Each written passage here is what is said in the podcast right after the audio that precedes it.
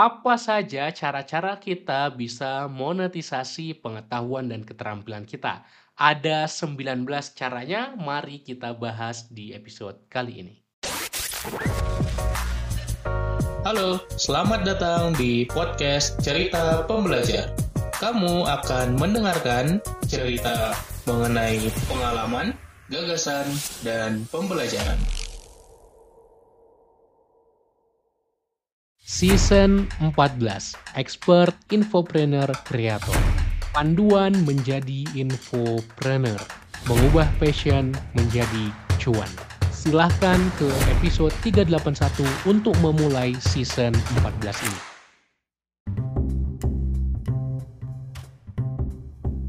Hai hai hai, balik lagi di podcast cerita pembelajar season 14 bareng gua Umar. Dan kali ini kita akan bahas apa saja potensi produk yang bisa kita buat sebagai seorang infopreneur. Yang mana kita menjual produk informasi tentunya atau jasa informasi. Ketika kita mau memberikan informasi kita, pengetahuan kita, keterampilan kita dan dibayar oleh orang lain, maka kita harus buat manifestasi dari informasi itu ke dalam sebuah produk atau service. Ada 19 yang udah gua list dan ini adalah framework gua sendiri. Kalau gua ngajarin orang jadi infopreneur atau lo ikut infopreneur coaching dengan gua, maka lo bisa memilih satu dari 19 ini atau bahkan lebih. Kalau lo pengen langsung 2, 3 it's okay. Tapi biasanya gua ajak lo untuk memilih satu. Sengaja gua bikin beberapa part supaya nggak kepanjangan di satu podcast ini. Jadi kali ini kita akan bahas 7 ya. Eh 6 deng. 6 1 sampai 6 dari berbagai yang bisa kita lakukan ya. Dari 19 itu kita akan bahas 6 lalu sisanya di eh, episode-episode berikutnya. Oke, kita langsung aja yang pertama. Yang pertama adalah membuat e-course atau online course. Ini adalah favorit gue, favorit bener-bener yang paling gue suka. Dan menurut gue untuk passive income itu yang terbaik online course. Kalau nanti untuk maximizing profit itu paling enak coaching. Tapi kalau lo pingin passive income yang benar-benar pasif, online course itu is the best sih. Potensi income-nya kita bisa jual online course ada yang 100 ribu, ada yang sejuta, tapi kita bisa bilang rata-rata di market online course umumnya 300 ribu lah. Itu berdasarkan pengalaman dan pengetahuan gua. Kategorinya termasuk ke medium ticket. Jadi kalau di infopreneurship itu ada yang low ticket, medium ticket, dan high ticket. Masuk ke medium ticket dan bisa recurring juga. Artinya apa? Bisa kita bikin online course-nya itu sifatnya langganan kalau orang mau akses. Asalkan memang konten kita banyak. Tapi kalau gue lebih seneng online course yang beli putus sekali beli aja kemungkinannya bisa sangat-sangat positif income sekali bikin aja sih saya tinggal dijual terus. Maintainnya sebenarnya nggak perlu kecuali kita mau update modul jadi cukup mudah. Bikinnya kurang lebih butuh 20-an hari. Effortnya cukup tinggi ya. Gua bikin 4 skala 5 dan kita butuh expertise yang lumayan tinggi tapi nggak perlu cukup tinggi juga. Gue skorin 2 sampai 5 dan menurut gue ini lumayan bagus untuk passive income. Itu online course yang kedua e-books. E-books ini kita bisa bikin ringkas aja 10 halaman boleh, 20 halaman boleh, 30 halaman. Kita bisa jual sekitar Rp50.000. Ini adalah harga rata-rata market termasuk ke kategori low ticket dan kita bisa bikin e-book terkait dengan expertise kita sendiri.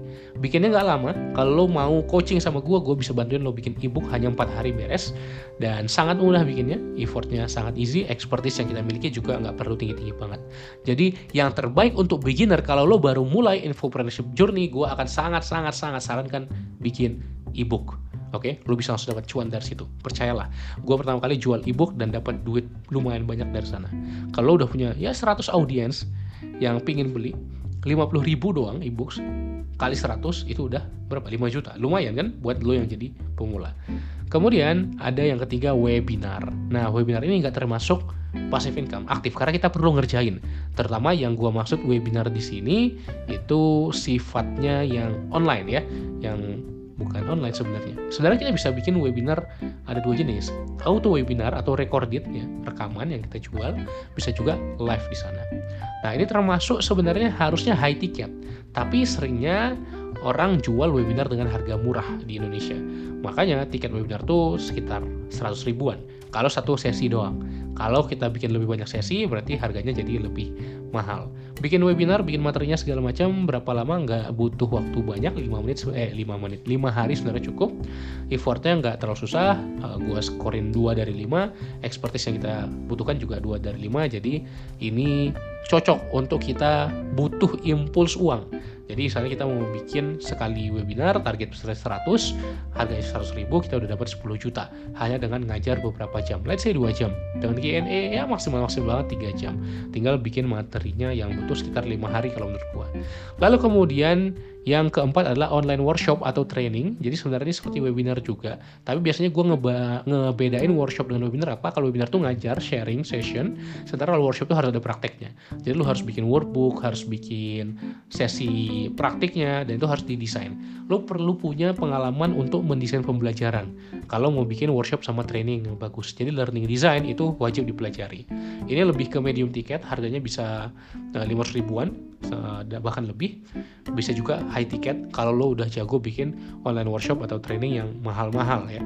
Di sini gue hanya bahas yang uh, sifatnya digital product dan service doang ya. Jadi yang online doang. Jadi gue nggak ngajarin tentang bikin buku, gue nggak ngajarin tentang uh, bikin offline training. Sebenarnya itu gue bisa ajarin, tapi di sini gue pengen share yang 19 ini bisa dilakuin dari rumah aja.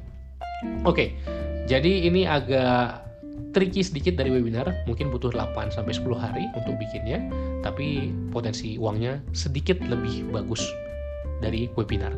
Kemudian coaching session yang kelima, ini kita bisa bikin satu sesi harganya sejuta dan ini high ticket banget. Kita perlu ekspertis yang sangat-sangat tinggi jadi nggak semua orang bisa bikin coaching session apalagi pemula. Tidak gue sarankan. Memang yang terbaik ini buat dapat duit banyak tapi kalau buat pemula nggak gue rekomend kita bisa bikin dari 500 ribu per satu jam sesi atau setengah jam sesi sampai bisa sejutaan lebih per satu jam sesi. Apalagi kalau kita udah bikin coaching package tapi itu ilmunya beda lagi lo bisa banget bikin kemudian yang ketujuh adalah grup coaching. Kalau yang keenam tadi eh sorry kebalik gua. Yang kelima tadi virtual coaching session maka yang keenam adalah uh, online group coaching program. Jadi kita bikin grup coaching uh, sifatnya coaching tapi nggak one on one sifatnya grup bisa lima orang bisa 10 orang dan artinya bisa lebih murah karena nggak one on one tapi potensi uangnya sebenarnya lebih banyak daripada coaching session. Namun ini cuma untuk orang-orang yang experience. Kenapa? Bikin grup coaching itu nggak gampang. Lo harus punya ilmu coaching, lo harus punya ilmu mentoring, tapi ini potensi uangnya juga gede banget. Jadi dari enam ini yang udah gue bahas, ada online course atau e-course, e-book, webinar, uh, online workshop atau training, virtual coaching session, dan grup coaching program. Yang paling gue rekomend yang mana? Jawabannya dua yang paling pertama. Bikin e-course sama bikin e-book. Kalau lo udah terbiasa ngajar, maka bikin e-course. Kalau lo udah punya pengalaman, bikin e-course. Tapi kalau lo baru memulai banget, lo mau monetize audiens yang lo punya mulai dari e-books dulu oke okay? gue sangat sarankan bikin e-book baik yang udah experience, baik yang baru mulai, e-books itu sangat-sangat bagus. Kalau buat lo yang baru mulai, e-book bisa jadi potensi cuan yang bagus. Kalau buat lo yang sudah berpengalaman banyak, maka e-book bisa jadi lead magnet, bisa jadi tripwire, dan teknik-teknik lainnya dalam sales funnel penjualan.